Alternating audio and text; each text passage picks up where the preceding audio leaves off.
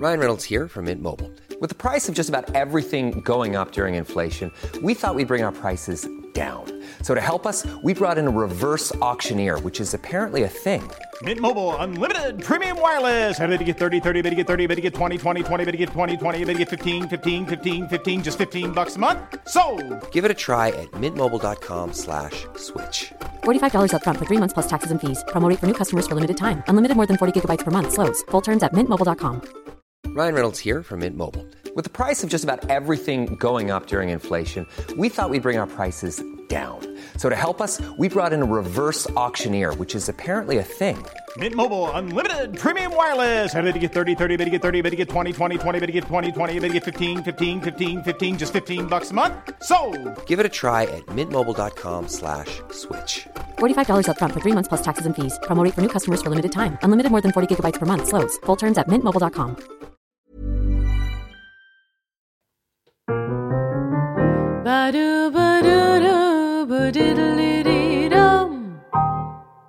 Kära lyssnare, kollegor, älskare och vänner. Välkomna till 2019 års första program av Burlesque-podden. Vi sitter på Custom Music Productions och eh, som vanligt så är det Andreas Hedberg som sköter ljud och redigering. Mitt namn är Aurora Brännström och eh, Jazzproduktion HB är de som producerar och eh, skapar Burlesque-podden. Ah, det var mycket. nu ska jag presentera årets första gäst och jag är så hedrad och glad att du är här. Karin Viktorin, varmt välkommen. Tack så mycket. Ja, äntligen fick vi till det. Ja, jag kommer direkt eh, ur stormen Ja, in i den här varma härliga ja, studion. ja. Ja. det har varit storm i Stockholm i natt. Precis. Ja. Många som varit utan el och sådär. Så nu Mm. Tagit mig hemåt från landet och stannat till hos hästarna på vägen och sådär. Så att, ja. Och så är du här nu. ja, det ska bli jätteroligt Ja, att prata om burlesk. Ja, gud ja. Karin, vill du berätta lite grann bara kort, liksom, som någon slags introduktion, vem du är? Ifall Mm. det är någon som inte vet det. Ja, jag heter ju Karin Viktorin. Det är ju mitt namn till vardags. Men inom burleskvärlden så var jag ju och är väl kan man säga fortfarande Hoochie Mama. Mm. Och inom burlesken, eh, ja för de, de flesta lyssnare kanske, det kanske både finns initierade och oinitierade Ja, jo, lyssnare. det gör det. Så är det, har man ju oftast ett alter ego eller ett par stycken kanske. Och Mm. jag ju, har liksom hållit på ganska många år så det har ju blivit ett par alter egon Ja. under vägens gång. Så det började med burlesk eh, tidigt 2000-tal kanske och kanske ställde mig på scen, det jag skulle kalla renodlad. Att jag gjorde ett burlesknummer kanske var någon gång 2005 eller sådär. Okej. Och då var jag Virginia Valentine i början. Ja, Mm. just det. För det är ju, ja, men som jag sa inledningsvis när vi satt och små snackade lite här innan så vill ju jag gärna veta liksom, jag vill ju fråga ut dig lite grann om det här den starten på, på alltihopa. För att som, som jag ser det så är ju du liksom ja, grundaren av den svenska burlesken nästan. Med din klubb och, och med allt du gjorde där i, i inledningsvis liksom, så har ju du satt eh, tonen för burlesk i Stockholm och i Sverige. Ja, vad roligt. ja. Ja. i alla fall den här neoburlesken, eller den burlesk-reviven som kom. eh, Så var det ju, ja. Det var eh, en tid där det började bli lite på tapeten utomlands. Så att det blev liksom att, ja. Jag Ja. var igång här och träffade också lite andra tjejer som var sugen och nyfikna på burlesk. Så det var ett par stycken, liksom sådär. Så det kändes som att det var helt rätt tid. Mm. Men jag min, alltså, i min tur hade fått höra en del om burlesk. eh, Eller jag hade fått höra om burlesken och hur liksom, de klubbarna som började poppa upp i Seattle framförallt. För Okej. att eh, min mans eh, bror Mm. Hade ihop det och sen, sen ja, med en burleskartist från Seattle. Så Okej. att det var mycket via Veronica, Ah. a.k.a. Fancy Chance, som jag hörde om burlesken. Ja, för jag tänkte Neoburlesque. precis fråga liksom, vad kom det ifrån från dig? Mm. Det här intresset. Liksom. Eftersom det inte riktigt fanns i Stockholm eller sådär så, och du tog upp det. Men då kom det därifrån alltså, från din brors eh, tjej då? Exakt. Ja. Så det jag, liksom, jag var inne på... Jag hade liksom gjort performance inne liksom lite på, ja, jag var inne på drag, framförallt Mm. drag-kinga. Så att jag hade tidigare då, det liksom blomstrade ganska mycket i samband med jag gick på genusvetenskap på Stockholms universitet. Mm. Och där hade vi liksom kommit in lite, det var en film som hette Venus Boys som handlade om drag kings. Mm. Och då ja, så hade vi liksom våran, många i den klassen eller kursen som jag gick på gick till premiären av den och eh, skulle då klä upp oss eller förvandlas i drag kings. Men jag kunde inte, jag hade barn då, jag har barn fortfarande. Men jag kunde inte vara med när det var förfest och alla så jag var tvungen att hämta på dagis och där. Så att jag skulle dyka upp lite senare och eh, var framförallt en tjej som jag hängde väldigt mycket med på den här kursen. Och när jag dyker upp där, och det var faktiskt på Kägelbanan som vi senare då körde Coochie Ja. På. Ja. Då så såg jag ju henne på andra sidan dansgolvet och hon bara tittade på mig som ett stort frågetecken. Jag liksom hälsade lite så här som hårdrocks... Eh, snubbe. hon trodde verkligen att jag var någon sån här metal-kille som hade hamnat lite fel. Och det var början till eh, några karaktärer. För att hon hade också faktiskt förvandlats till någon typ av hårdrockskille. Så sen gjorde vi det slut, det gick över till att det blev ett äventyr där vi reste Transsibiriska järnvägen Oj. och draggade. Aha, Och gjorde en wow. dokumentär om det som gick på SVT sen. Ah, och det har jag ju tydligen då missat. Men, ja, det är inget, det är inget så här känt nej, prisbelönt dokumentär. Men det var väldigt eh, fantastisk erfarenhet att just få gå in och experimentera med drag och könsroller. Och vi gjorde ju resan, det började i Ryssland och Moskva och sen så hela, alltså, hela vägen bort i liksom andra delen av Ryssland där det var liksom en liten annan kultur. Och sen vidare ner, var vi länge i Mongoliet och sen Kina. Så att det, och det var ju också så här bemö- bemötta på olika sätt på olika platser. det kan jag tänka mig. Mm. Så jag var redan, när jag hörde om burlesken sen så för vi var ju också dragade lite female to female drag när vi gjorde den här resan. Fast där hade vi inte riktigt... Vi var Anders och Elis när vi var drag kings. Men vi hade liksom ingen en, ja, sånt alter ego-namn eller så. Nej. Men det jag tyckte var så väldigt spännande när då Fancy Chance berättade om burlesken var att det var att man kunde ju också verkligen, det var female to female impersonation. Alltså att eh, accentuera liksom vad är det kvinnliga, liksom, eller feminina, fem eller identitet. Och, Just eh, det. Mm, Ja, så det blev jag väldigt nu, nyfiken på att utforska ja. Jättemycket. Så, och sen så hade jag, ja, Gud, den här resan som du berättar om, det är ju någonting man skulle kunna prata jättemycket om, tänker jag. ja du får ställa frågor. Ja. Så himla spännande. Men liksom, var ni, ni måste ju haft ett, ett enormt mod att göra det, tänker jag. Just i Ryssland, liksom, hur, hur togs det emot? Ja, det är mycket med det här som jag tänker att klimatet har verkligen, det politiska klimatet har ju ändrats väldigt mycket.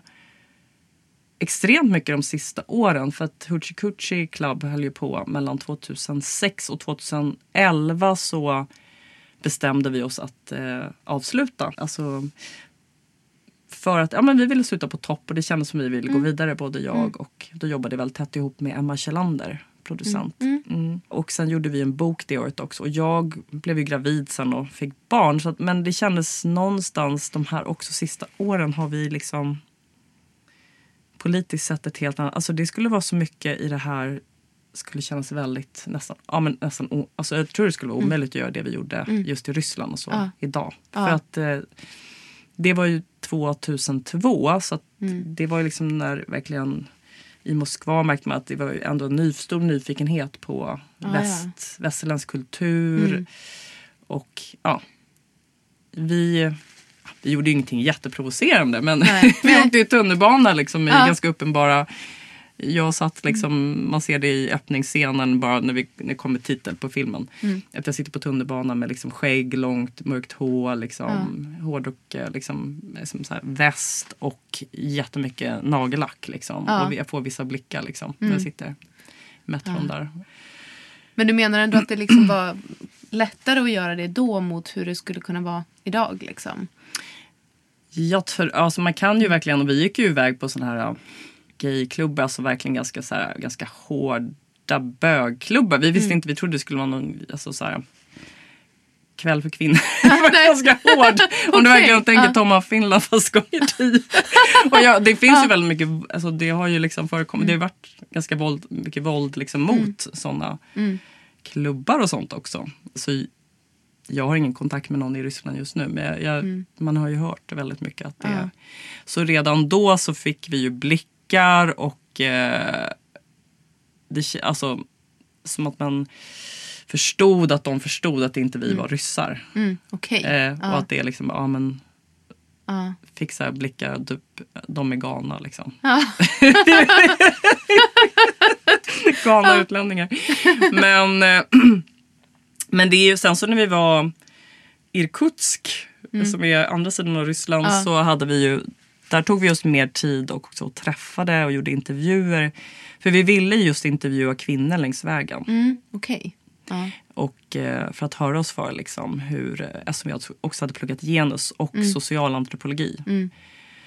Som jag har en filkand i. Och det var ju eh, Lisa Hägg, måste nämna hennes namn också, som jag gjorde den här resan med. Mm. Ja. Och vi var båda då, när vi hade pluggat jättemycket antropologi och det är bara teori. Och det är ju väldigt Mm. Ja. Mm. mycket man läser om andra personers eh, ja men det är ju ganska mycket äventyr, alltså gammal antropologi. Mm. Och sen kan, finns det ju, ja, det finns ju en reflexiv antropologi som kommer in på det. Att man, det här Mm. mer handlar om att kanske utforska, liksom, se över och vara medveten om sin egen so, so, Ja, sociala ja. identitet i när man ja, förhåller sig till andra Mm. kontexter. Och sen genusvetenskapen på det. Så vi var ju så sugna bara på att få göra någonting praktiskt. Och sen var vi båda intresserade av foto och Mm. Okej. film. Så Ja. vi hade fotat ganska mycket. Så vi fick Ja. en kamera, vi hade kontakt med ett produktionsbolag. Så vi fick liksom en kamera och eh, sen blev det också en kontakt till SVT via, via det produktionsbolaget. Så att, Ja, så vi gjorde de här intervjuerna och i Irkutsk, som jag var det jag började berätta, Ja. träffade vi en del kvinnor och eh, ja, men förstod ju också. Det var en tjej vi pratade med som gick på universitetet och hon Ja, men hon berättade ju sin, liksom, hur hon upplevde att det var ett ganska, och det var ju lite vår uppfattning också, fanns ett ganska hårt tryck på ryska tjejer. Man såg det jättemycket i Moskva. Att vara väldigt sminkade, uppklädda och Ja. liksom ja, Mm. verkligen female to female. Alltså verkligen gå ja. in i liksom någonting som vi kunde uppfatta nästan som drag. Eller sådär. Väldigt, alltså otroligt snygga kvinnor. Men, Och hon kände sig, hon kände inte att det var hon. Nej. Så att hon, hade, hon var ganska naturell i liksom sin Mm. eh, stil och så. Men hon hade ju då fått höra av sina fellow students, att, eller hennes klasskamrater, att hon nästan sa men du kommer sluta med att du blir ensam för ingen kille kommer vilja ha dig. Och, ja. ja. Men vi kom in på sådana här Ah, dis- ah. ämnen. Och, Mm. Och vi kunde sitta och prata om det här när vi var liksom då i, Mm. i drag. Det är fantastiskt. ja, Ja. Till Ulan Bator, Ulan Bator, eh, huvudstaden i eh, Mongoliet. Där var vi också inne på FN och pratade Ja. UN med en kvinna som jobbar väldigt mycket med domestic violence-frågor. Mhm. Så där var ju liksom lite andra, för där Mm. såg man också en otroligt snabb förändring i och med liksom öppnandet och gå ifrån planekonomi. Och där kvinnor då har börjat studera, för det är ju en ganska mycket Mm. att man lever som nomader och ärver boskap fortfarande och då är det männen som gör det. Så kvinnorna var de som utbildade sig i högre utbildningar Mm. Ja, ja. mycket. Ja. Till läkare och jurister, nu kommer vi på helt andra ämnen. Ja, men- men då blev det ett problem mellan Ja. Mm. könsrollerna. Så det blev liksom ett ökat våld inom hemmet och så. För att det blev makt. Ja, men, ja, så vi gjorde ganska... Vi fick väldigt mycket så perspektiv på saker och ting. Och medan Mm. i Kina blev vi ju mer så här på Röda torget att alla ville kom- komma fram och ta bilder med oss. För att där var vi ju verkligen bara som två jippon. Liksom, Mm. Ja. verkligen högt och lågt. Och, ja.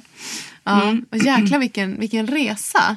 Men Ja. var det liksom i och med den här resan som intresset för just drag och så kom eller har det funnits tidigare? Ja, det har nog funnits tidigare Ja. med... Eh, nej men jag, jag sen jag var liten liksom alltid uppfattat att ja, man lär sig verkligen att vara pojke eller flicka. Liksom. Mm. Så när jag var fem var jag nog så var jag Anders ett helt år. Typ. Okej. Eller i varje fall Mm. flera månader. Ja. Jag hade träffat en äldre kille som var 12 Mm. som blev min stora förebild.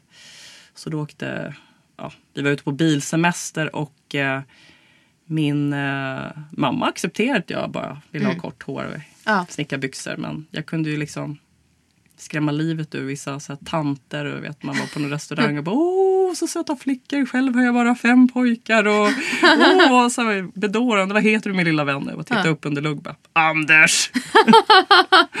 Just det. Ja. Okej. Så att jag tycker, ja, men det har nog funnits med hela, Ja. Hela livet nästan. mm. Mm. Men när började du liksom tänka att du skulle kunna göra någonting med det? Artistiskt Mm. liksom. För, för det där är ju, det är ju mer av en livsfilosofisk tanke. Liksom, att det här med ja, men hur vi uppfostras och vad vi blir om vi blir flickor eller pojkar. Liksom. Men att, Ja. att ta det också sen till att göra någonting artistiskt med det. När, när kom liksom de tankarna in? Och, Ja, för som barn är det ganska mycket en... Alltså lek, det lekfulla är ju Mm. också... Såklart för barn så är det ju kopplat till någonting väldigt seriöst. För man Mm. test, ja, man, ja, det är ju så man lär sig Ja. det vuxna och Mm. Sociala alltså regler och normer och allting. Mm.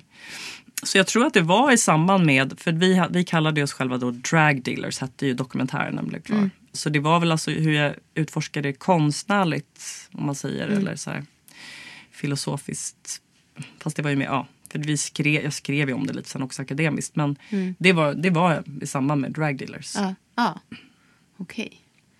Ja. Och som sen, eh, ja, efter liksom Hoochie Coochie var klar med det, då drev jag igång ett projekt tillsammans med Kalle Westerling som heter Drag as Art. Så då gick jag Just liksom det. tillbaka ganska Mm. mycket till det som var ursprunget. Mm. Ja, och Drag Is Art har jag faktiskt uppträtt en gång på. Exakt, Ja. det var jättefint. Det var ett, ja, framförallt ett år där vi körde några, Mm. när vi hade ett kulturstöd också. Så att, Ja, Som vi körde några fester och sen. Ja. just det. Ja. Det här med att ha klubbverksamhet, är det någonting Mm. som du har tänkt att du ska göra? Eller hur kom det sig att det blev så? Med Hoochie Coochie Club och, och Drag Us Art. Liksom. Ja, nej men det, det växte ju liksom. Jag var väldigt sugen på att arrangera någon. Alltså, det först var jag nog tanken på att vi skulle ha en fest egentligen. Mm. Så då var det ju att vi skulle vilja ha en burlesk. Det slutade, ja, att vi skulle ha en burleskklubb. Men sen så gick ju det så bra och sen var det så roligt. Så då rullade det där på. Mm. Men eh, ja, det började med att jag ville göra något burleskt och sen så var det även då via Södra Teatern, eller då hette det, det var via Riksteatern Mm. som drev Södra Teatern och Ja. Jam som var en del av Riksteaterns unga liksom, Mm. scenkonst. Så var det då Emma Kjellander som jag jobbade med som jobbade på Jam. Mm. Och eh, hon hade ju då varit i New York också och sett Ah. neoburlesk och eh, sett framförallt då var det Scotty the Blue Bunny som var Ja. Hoochie Coochies huskanin och Ja. konferencier. Mm. Så hon ville jättegärna ta hit honom. Och då hon hade också då ihop med Kajsa Åman och Hanna Ostrovski. De var lite med på det hörnet. Och eh, de var ju också en del av eh, Hoochie-familjen sen. Mm. Hanna och Kajsa jobbade på Art Department. Och så. Och, eh, ja, så då var det att vi samkörde den här första kvällen som gick under namnet vous êtes burlesque? Är du burlesk? Eller ja, typ. Min franska är väl lite sådär. Men en frågeställning. Eller hur burlesk är du kanske? Nej, nej men det är nog. Som var på påsken 2006. Och då, ja, då var ju Scotty the Blue Bunny. Och sen var det Veronica Fancy Chance som var hon som gjorde att jag blev jättenyfiken på. Mm. Och hon hade flyttat till London och eh, hade nog med sig sin trupp därifrån. Som, Okej. eh, då kom de hit och uppträdde. Och sen så var vi då, träffade jag eh, några tjejer här via, det var ju liksom den här samma period som det var en vintage alltså explosion. Alltså hela vintage-eran tog liksom verkligen spin-off där. Ja. Och eh, så hela rockabilly-kulturen var också jätte Just det. kan man säga, väx, växte just då. Ja. Vintage, liksom. Och då var det en tjej som höll på som var också så här um, gemensamma kontakter via liksom lite rockabilly-scenen. Det var Hedvig Mm. Maron och så Duchess Dubois. Ja. Så henne träffade jag då och då hade ju hon i sin tur sina också några vänner och liksom kontakter och det var liksom så det var ett gäng där. Så då bildade vi också en trupp. Eller det blev först att vi repade för den här första gången och sen så, ja, så fortsatte det ju sen. Mm. Just det. Men då är vi 2006 Mm. där. Ja, just det. Men då kunde ni surfa lite på den här vintagevågen liksom. Ja, verkligen. Så Ja. första kvällen så var det så här, vi visste ju inte. Vi fick ju ja, ändå ganska bra uppslag i DN och Svenska. Men framförallt, ja. Så vi fick en artikel som om mig, Hedvig och burlesken. Och, som var ju, och det, här liksom, det har ju också verkligen förändrats. För då var ju marknadsföringen skedde ju främst via dagstidningarna. Och det här var ju liksom MySpace. Alltså MySpace var ju det forumet jag använde för att Ja. verkligen skapa kontakt med eh, andra burleskartister, internationella. Eh, och i Sverige också. Så det Ja. var ju så man kommunicerade då. Just Det är det. väl nästan ingen som kommer ihåg MySpace idag. Nej. Men, så, nej men det var, ja, så när det var dags att öppna dörrarna så var det liksom en ringlande kö runt kägelbanan. Och, ja, Ja, det det var, var, så. så det ja. var liksom verkligen, mo, alltså det var helt, tiden var helt mogen Ja. för något sånt. Ja. Och det var väldigt, Gud, hur kändes det? det var, det var jätteroligt. Ja. Och vi pratade ju väldigt mycket om liksom behovet av liksom eskapism och dekadens. Och, Mm. Ja. Och det behovet fanns. väldigt mycket. Ja. Och det var väldigt mycket så här... ja, Vi låg väl alltid lite så här... Jag tror Hoochie också pushade hela tiden. Så att också allt eftersom åren gick så gillade vi vara lite on the edge. Att provocera lite. Men eh, det var ju ändå inte så att det provocerade på det sättet jag tror man skulle kunna provocera idag. Med väldigt små Nej. saker när allting är väldigt, eh, det är väldigt lätt att liksom kränka. Ja, och det finns så mycket grupp. Alltså det är väldigt... Eh, det är någonting också som jag tänker på att det är mycket, ja, det ska vara svårare idag att liksom ligga på den här. Mm. Ja, fast det finns ju jättemycket konst fortfarande som Va, vad Tycker- menar du exakt med det här nu? Ja, nej men det, det är så vi drev med väldigt mycket. Alltså burlesk betyder ju, det liksom, det kommer ju från italienskans burlare att skämta om sånt som andra tar på allvar. Ja. Men lika mycket så är det faktiskt också tvärtom, att göra allvar av det som många Ja. kanske bara skämtar bort. Ja. Så det är liksom lite vem, alltså det är väldigt mycket the trickster. Och the trickster, alltså hela den figuren eller symbolen är väldigt någonting som jag också känner mig väldigt nära. Liksom. Att, eh, för mig liksom med striptease så kände jag att det var väldigt eh, provocerande i liksom, den svenska kulturen. Det var, Ja. det, det är alltså extremt ja, det var någonting väldigt alltså, som kopplat Även fast vi är väldigt sekulariserade i Sverige så var det någonting väldigt smutsigt och liksom Ja. bara någonting som prostituerade gör. Och även kanske inte så mycket liksom i genusvetenskap. Idag tror jag kanske mer skulle finnas politiskt en sån. Jag kände där fanns det kanske inte. Men bara som rent, det var väldigt främmande element i Sverige med striptease. Och jag växte upp lite i USA när jag var liten. Så att, jag kan berätta också en ganska Ja, det, lustig anekdot från när jag var liten. Men det var typ en av de första grejerna jag snappade upp där. att titta på tv och så. Så min, mina föräldrar hade, ja, de var ju där och jobbade liksom. Ja. Så, att, eller, så att de hade någon middag med amerikanska affär, ja, men det var ju så här, människor liksom från jobbet, alltså businessmen och their wives Ja. som var hemma på middag. Och, för det är ju också den här att det var väldigt dubbelt. För att vi som barn, jag var ju bara sex eller sju år gammal. Ja. Min syster, lilla syster var ännu yngre. Kunde ju liksom inte riktigt gå nakna på trädgården, i trädgården och så. För det fanns en otrolig så här, pry, prydlighet. Samtidigt som det fanns väldigt mycket liksom, på tv och film Ja. Mm. och i kulturen. Liksom, sex och liksom, kroppen sexualiserad. Så då ville jag, som jag, jag gjorde väldigt mycket när jag var liten, vet, ville uppträ, jag ville göra ett uppträdande med min Mm. Ja. syster. Och det tyckte mina föräldrar, ja, men det var jättefint. Så, här, Ja. så hade jag liksom bestämt att jag skulle sätta på Donna Summer. Mm. Uh, love to love you baby. Och eh, drar in där med min syster som jag fått. Vi har varit inne i min mammas garderob och vår Ja. garderob bara satt på oss massa, massa, alltså så mycket vi bara kunde på oss. Så Ja. egentligen inte så sexigt. det var ju mer att så Ja. kommer vi in och börjar ta av oss plagg efter plagg. Ja. Så att egentligen så vi fick, inte göra, vi fick inte ta oss så mycket innan pappa avbröt. "Ah, Okej, kanske inte i rätt sammanhang. Nej. Kanske i Sverige liksom. Ja. Men eh, alltså, idag kan jag nog se att det skulle vara ett ganska roligt performance. Att göra Mm. Ja. bara liksom så här sjukt mycket vet, från mössa, vantar till allt man bara kan ta på Ja, sig. Och bara, ja. ja. nu tar vi av oss lager på lager. Men så det ja, är ett ändå tecken på att när någonting jag snappade upp där. Och sen Mm. så i Sverige sen kanske när så kom, kanske kom tillbaka lite i tanken att det just var väldigt Ja, vi ska vara ganska öppna och fria Mm. liksom, med allting men det var något som var väldigt laddat. Nu är inte det längre mycket tack vare burlesken tror jag. Ja, För det har ju ja. liksom kommit... eh, Ja men precis, för det, det var det jag tänkte också fråga dig liksom om, om du kan se förändringen jämfört med liksom när ni började med Hoochie Coochie och hur, hur burlesken tas emot. Och, och, men om du kan se liksom att det har hänt något med konstformen på det sättet. Ja, för det är en, alltså den ständiga frågan som man ledsnade ganska mycket på. Till Ja. slut, vet, man satt kanske i radio och när det var liksom något, skulle skrivas något Ja. litet så här, inför klubben. Och liksom, vet, Så var det alltid ständigt frågan, men vad är det för skillnad Ja, på striptease och burlesk striptease? Och. Ja. och jag tror att den frågan kanske kan tänka mig fortfarande kommer på upp. Mm. Ja. Eh, för de som är väldigt aktiva idag Ja. och eh, uppträder som burleskartister eller driver burleskklubbar. alltså det är också en fråga som vi har pratat om här. Ja, ja men det kan jag tänka mig.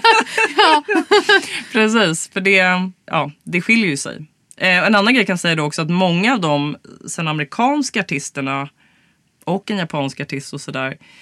För dem låg det ju ändå väldigt nära för att alla, och jag tror att det är vanligare liksom i USA att man under en period kanske när man för att det också ser annorlunda ut, man ska gå på college, här, man Ja, måste liksom ja. dra in pengar, att man har strippat på en strippklubb. Så många har liksom gjort det också. Ja. Men det är klart att det skiljer sig. Men så finns det ju massor med olika typer av strippklubbar. Jag menar, I USA kan det ju också bara vara som en... Ja, att det bara ingår liksom i... behöver inte vara till kanske riktigt så här pornografisk kanske. Nej, inte show på samma sätt heller. Nej men att kanske. det bara det är olika nivåer på det. Det är ju ganska vanligt att framförallt då de som sen gick över och höll på med burlesk också har strippat Mm. på strippklubbar. Men sen så finns det ju, och ni har ju redan pratat om skillnader så du vet ju. Ja, Nu- nu fast, kanske- fast eh, jag undrar ändå vad du menar på skillnaden. Liksom. Om, om du vill, nu kanske du är jättetrött på att svara på den frågan. Men, Nej, jag kan absolut svara på den. Jag, jag har ju varje år också dramaelever Ja. som, som är liksom, jag kommer in liksom lite mer med burlesken, dragen och varietén Mm. lite som scenkonstform. Och eh, då tar man ju upp de här grejerna också. Men jag, alltså personligen så tycker jag verkligen det är det som är också någonting man kan prata väldigt länge om. Men Ryan Reynolds här från Mint Mobile. Med priset på nästan allt som går upp under inflationen, trodde vi att vi skulle bring våra priser down. So to help us, we brought in a reverse auctioneer, which is apparently a thing. Mint Mobile unlimited premium wireless. Ready to get 30, 30, bit to get 30, bit to get 20, 20, 20, bit to get 20, 20, bit to get 15, 15, 15, 15 just 15 bucks a month. So, Give it a try at mintmobile.com slash switch. $45 up front for three months plus taxes and fees. Promo rate for new customers for limited time. Unlimited more than 40 gigabytes per month. Slows. Full terms at mintmobile.com. som när du är burleskartist, sen så ska burleskartister verkligen, verkligen få betalt liksom. För att de är konstnärer och artister. Men egentligen så ställer man ju sig på scen för att man bara har någonting man vill uttrycka. Det är verkligen en, att man har verkligen en starkt urge, alltså behov låter ju, men ja men det är ett behov men det är också en så här ja, någonting man vill uttrycka. Och så är det ju oftast någonting med det här alter egot som man har. Som är en identitet som också kräver sin liksom exponera, alltså den vill ha liksom få, s- få komma upp och liksom möta liksom, eh, betraktaren. Eller. Men man gör det väldigt mycket i, inom burlesken med publiken. Publiken är verkligen med artisten. Så att det är liksom som att om jag exponerar den här identiteten som jag kanske inte då gör till vardags. Så blir det en väldigt stark liksom, synk mellan till skillnad från, man kan verkligen som skådis och sådär också gå in i en roll och även fast det är en roll som eh, Tänk Hamlet eller liksom Romeo och Julia. Så Romeo och Julia, det finns hur många har inte liksom också skådisar inte kanske inte varit in och spelat någon av de rollerna. Och sen så gör man det ju alltid med sin person i det. Ja, liksom, ja. Så att man, men burlesken har du själv skapat ditt nummer och du har själv byggt ditt alter ego. Så det är så otroligt kopplat till din personlighet. Så det är så laddat.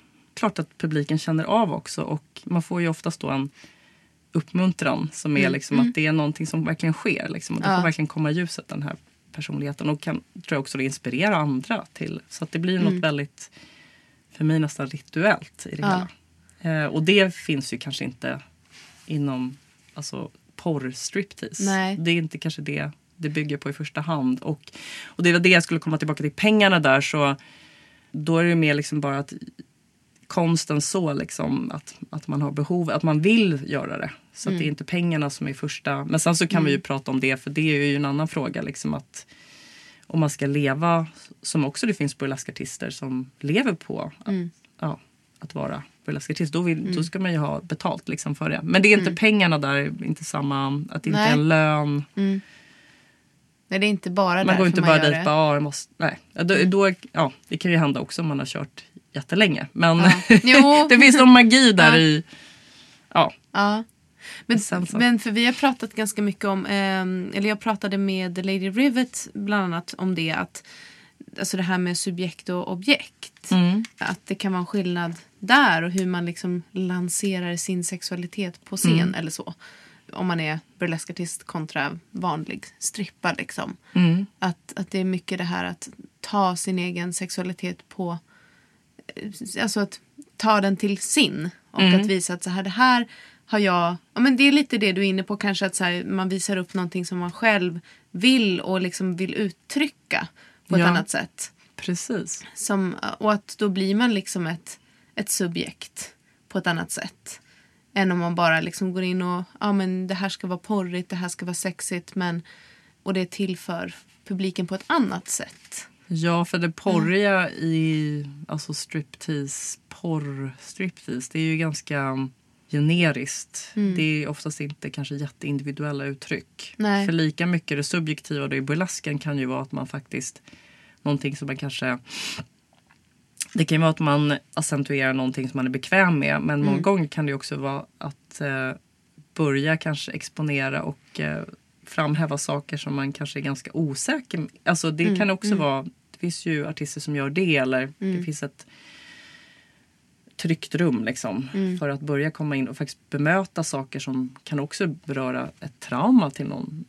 Kanske något komplex som gäller någon kroppsdel till eh, Ja. att det ska vara tillåtande att alla inte liksom stöpta i samma form utan så det var det jag tyckte väldigt mycket om just med neoburlesken. Att den, eh, det är väldigt betoning på humor men det kan också vara super super sexuellt men att det Alltså det är väldigt spännande tycker jag. Och jag, jag har ju inte sett så mycket riktig striptease. Jag har gjort det nu. Men liksom, jag vet inte riktigt om jag tycker det är så jäkla enkelt att sätta fingret på vad som är skillnaden alltid.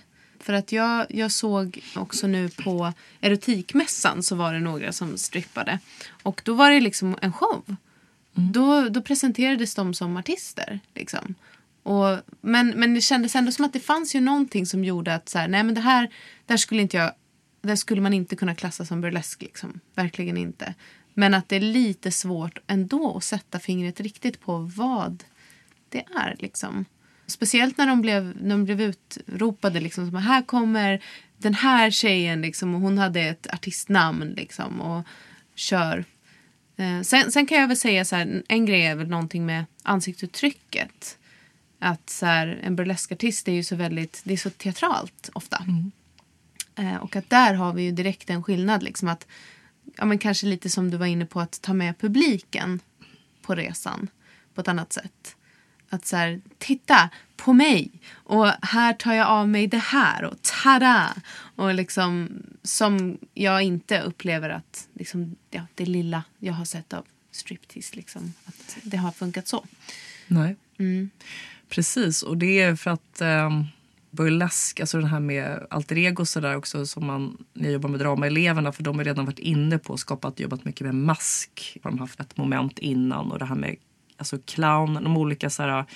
Så det är ju väldigt tydligt en mask man bär. Vissa burleskartister jobbar ju väldigt, alltså de går, som i neoburlesk kan jag redan, jag kan inte tänka på någon specifik nu men att man verkligen liksom så här kanske också, vem är jag bakom masken? Alltså man kan verkligen ganska tydlig att det är som på det sättet teatraliskt och drama liksom kopplat till en tillbaka antiken, alltså Grekland alltså, och eh, kanske till och med tidigare i ceremoni, alltså när man verkligen också var inne mer kanske i ceremoniellt rituellt spelade olika, eller man gick in som olika gudar, gudinnor liksom att det var, och de bar liksom kopplat till sig en arketyp eller en laddning. Att det, Så då, det är på det sättet som jag verkligen ville ha in på Hoochie också med publiken som var väldigt liksom central att det lekfulla fick komma in. Att liksom leka kring, alltså lekfullhet kring identitet och sexualitet och kropp.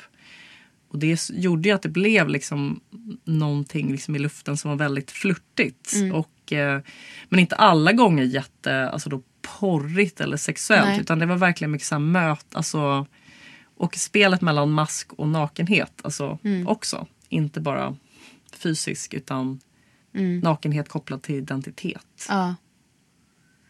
Vad- men vad, när ni började, liksom, var du någonsin rädd för att det skulle missuppfattas? Eller att, Nej men om jag, det är det jag menar. Ja. Det, idag hade man ju varit rädd för allt. Idag finns det sån rädsla och ängslighet liksom, Ja. kring så mång- mycket. Liksom. Mm. Men det är det jag menar att tidsandan har verkligen liksom förändrats. ja. Eh, men det gör egentligen, jag tror att bara burlesken behövs mer än någonsin. Verkligen. Som Mm. det var liksom i Weimar-eran och sådär i Berlin. När de här små vattenhålen som det var med varietéklubbarna och så. Mm. Där det fanns liksom en eh, möjlighet att prata om sånt som inte och uttrycka sånt som Mm. inte var möjligt längre polit- för, på grund av det politiska läget. Mm. Jo, men det tror jag också. Att, att det liksom finns ett, ett stort behov av burlesken idag. Av många anledningar. Liksom. Som du säger, som hur det ser ut i samhället. Och vad som är okej att prata om och vad som blir tabu och så vidare. Att man liksom, vi behöver det här, den här tillflykten och, och få känna oss, jag vet inte, levande i det. Ja. ja. Också komma ifrån det här med es- eskapismen igen. Alltså det är ju tempot nu man är... Ja, för jag är ju stockholmare och det är liksom... Ja, men tempot går ju, skruvas ju upp liksom. Ja. För varje år. Det känns som att Stockholm växer väldigt snabbt och tempot är extremt så högt. Så också så är det, ju, är det väldigt viktigt med de här alternativa världarna. Där man får liksom ett andra perspektiv. Man Ja. behöver liksom inte resa till en annan kultur utan man kan skapa sig eh, subkulturer inom kulturen. Eller Mm.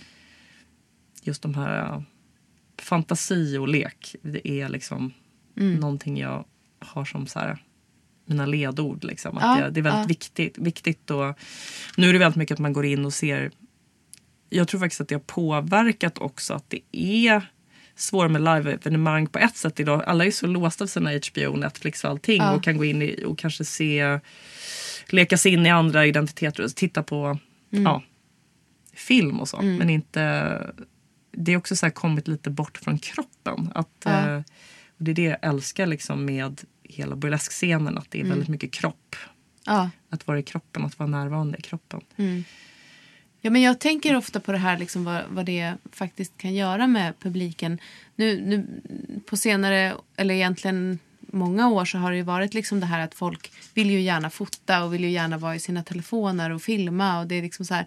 Men, att, att, eh, men på Fräulein Frauke till exempel så, så brukar de ju säga det, liksom, konferencieren eller, vem, eller Frauke själv ibland att så här, this is live show. Så här. Det här ska du eh, uppleva med dina ögon och dina sinnen och inte genom telefonen. Liksom. Så nu plockar vi ner telefonerna. Och att så här, det blir så häftigt tycker jag när folk gör det. De allra flesta gör ju det. Tar ner sina telefoner, upplever det live. Och det blir en, en helt annan upplevelse. Liksom. Som du säger. Det blir superexotiskt idag Ja. också för att det är Ja. konstigt att leva här och nu. Bara jag vet på nyårsafton nu att det var en kompis som bara skulle, hon gjorde allting via linsen tills min andra kompis sa bara men lägg ner nu. Jag vill bara titta på fyrverkerierna här och Ja. nu. Så att precis, det blir jätteexotiskt. Och Ja. Lägga ifrån sig. Men det, jag har också varit på några varietéer och sådär. Men i London och så, där, de har varit, där har det varit förbjudet också Mm. att ta upp kameran eller Ja. mobilen. Just det. Ja, men det blir ju verkligen att man, man hamnar i, i kroppen på ett annat sätt. Tänker jag. Som publik också. Liksom. Verkligen. Mm. Man blir mer uppmärksam på vad som händer runt omkring. Och... Om du skulle göra någon burleskklubb idag. Vad skulle vara liksom utmaningarna då om man jämför med, mot när du började med Hoochie Coochie? Ja, alltså den stora utmaningen nu ligger i det praktiska. Att det finns så få lokaler Ja, att göra någonting ja. bra. Alltså det, situationen med lokaler och ekonomi och sådär har Mm. eh, försämrats. Det är faktiskt en, en av de anledningarna till att jag inte riktigt orkar dra igång någonting längre. Nej. Ja, nu är vi faktiskt lite på G. För jag gjorde en föreställning på Rion Teater men nu har vi just tagit upp den här frågan ganska mycket som en också Alltså att det är ett problem. Att Mm. man har inte, alltså kulturen puttas undan i samhället. Mycket på grund av ökade marknadshyror och Mm. det här med lokaler. Och nu också politiskt. Ja. Så vi har pratat väldigt mycket om att, eh, att vara i naturen helt enkelt. Back to nature. Oh, gud vad spännande. Ja. För då är man också i kroppen i också naturens kropp. Nej, vi, vi får se hur det utvecklar sig men det är Ja. lite grejer som ligger och puttrar i alla fall. Men, eh, och sen så är det ju också just att det är det har ju varit ganska mycket med burlesken och teman och så att man eh, ja, det är så mycket som är känsligt idag. Också, jag gick tillbaka till universitetet och pluggade genus på masternivå. Och där med intersektionalitet och sådär, för det var det som var programmet. Så identitetspolitik och sådär. Men hon som myntade begreppet, Kimberly Crenshaw, som var akademiker inom social justice. Hon säger ju själv att hon created a monster. Att det har blivit nästan lite motsatt effekt. Att det, det blir väldigt mycket gruppering, alltså att alla så här, varit lite fientligt överallt och väldigt så här, snabbt, passivt, aggressivt eh, ja, Okej. klimat. Ja. Men jag, tycker, jag är inte den som är rädd för, att in, liksom, rädd för att inte gå in i det skapet. Men sen måste man ha energin och den rätta platsen och miljön. Och den saknar jag lite just nu. Ja. Känner jag. Bygga någon typ av found, alltså bygga någon, ja, det känns som att man skulle vilja ha, det som var fantastiskt med Södra Teatern det var verkligen var att det var liksom ett hus som var liksom fyllt med konst och kärlek hela den här eran. Det kändes verkligen som att det var ett öppet hus. Men någon, så någon sån, alltså känna bara, jag går väldigt mycket på, en väldigt instinktiv person och går mycket på intuition. Så att det ska liksom bara kännas som att, eh, att det är en plats som man känner. Och rätt sammanhang, att saker och ting synkar sig så att det känns som att det är läge att...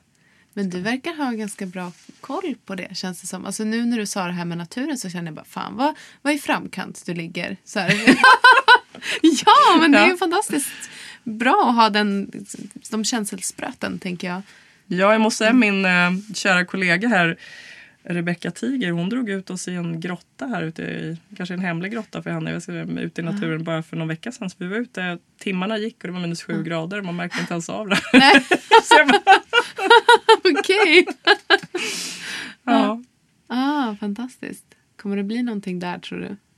Alltså någon, kommer det hända någonting där? Kärleksgrottan. Kärleksgrottan. Ja, kanske. ja, men hon eh, drömde in att det ändå hade varit en plats där, för det fanns en fornlämning Mm. där många kvinnor hade dansat nakna, så vi får se. Mm. Spännande. Ja. Vad händer annars i ditt liv just nu? Liksom, om vi tar oss lite mer till nutiden. För nu har vi pratat Ja. Mm. ganska mycket om det som har varit. Liksom. Alltså det är väldigt spännande just nu. Jag känner att jag har precis avslutat en era i mitt liv. Mm. Och jag är nog lite så som person också att jag har olika kapitel som är. Men nu känner jag väldigt tydligt att jag är. Jag har avslutat ett kapitel Ja. och på väg in i ett nytt. Så det är väldigt öppet just nu faktiskt. Vi får se. Vad är det du har avslutat precis? Ja, det är flera år av en transformation. Wow! Avsnitt två nästa år. ja, verkligen. Men jag, jag har inte tillräckligt mycket perspektiv på liksom den här tiden Nej. ännu för att kanske...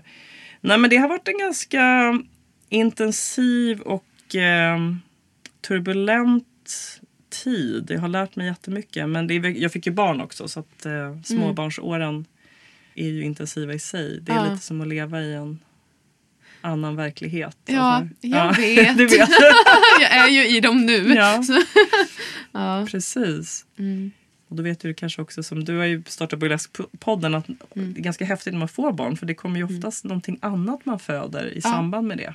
Så för mig var Mm. det väldigt mycket också drag is art och testa mina egna konstnärliga projekt och hålla på med det. Alltså man lägger all sin energi. Verkligen Mm, så här, det känns eh, så det kan jag ju säga när jag ligger på dödsbänden sen så kommer jag ju inte känna att jag inte verkligen bara gjorde de här konstnärliga projekten Mm. som jag verkligen ville göra och Arise Amazons var på Orionteatern också.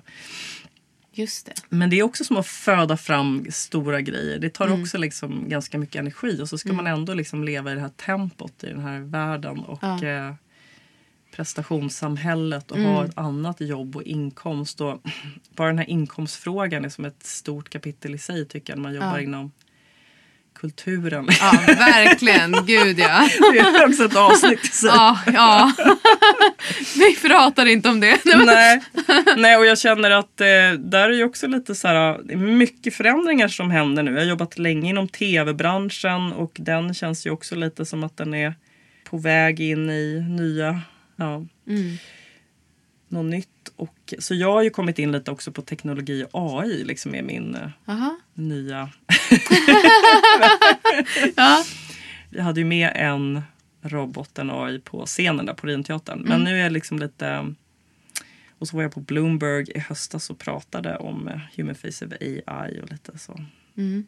Att det finns alldeles för få också kvinnor som jobbar med Mm. AI och maskininlärning. Så det kan hända massor med roliga saker. Ja. Vi får se. Och vi, Mm. vi håller ju på lite och se om vi ska göra en Rise Amazon 2.0 också. Mm, mm. Mm. ja, vill du berätta lite om det? Vad, vad Ja. var det för projekt?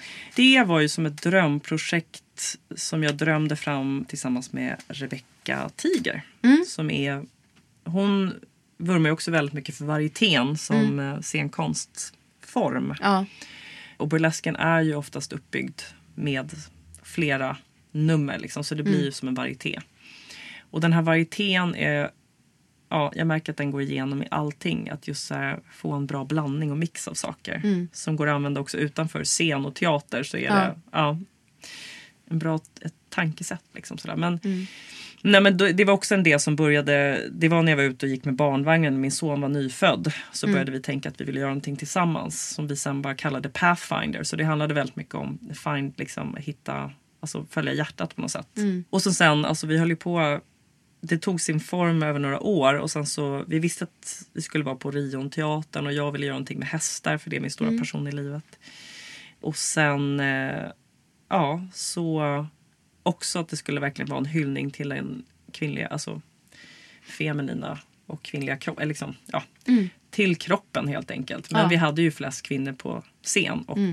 drag, en dragqueen också.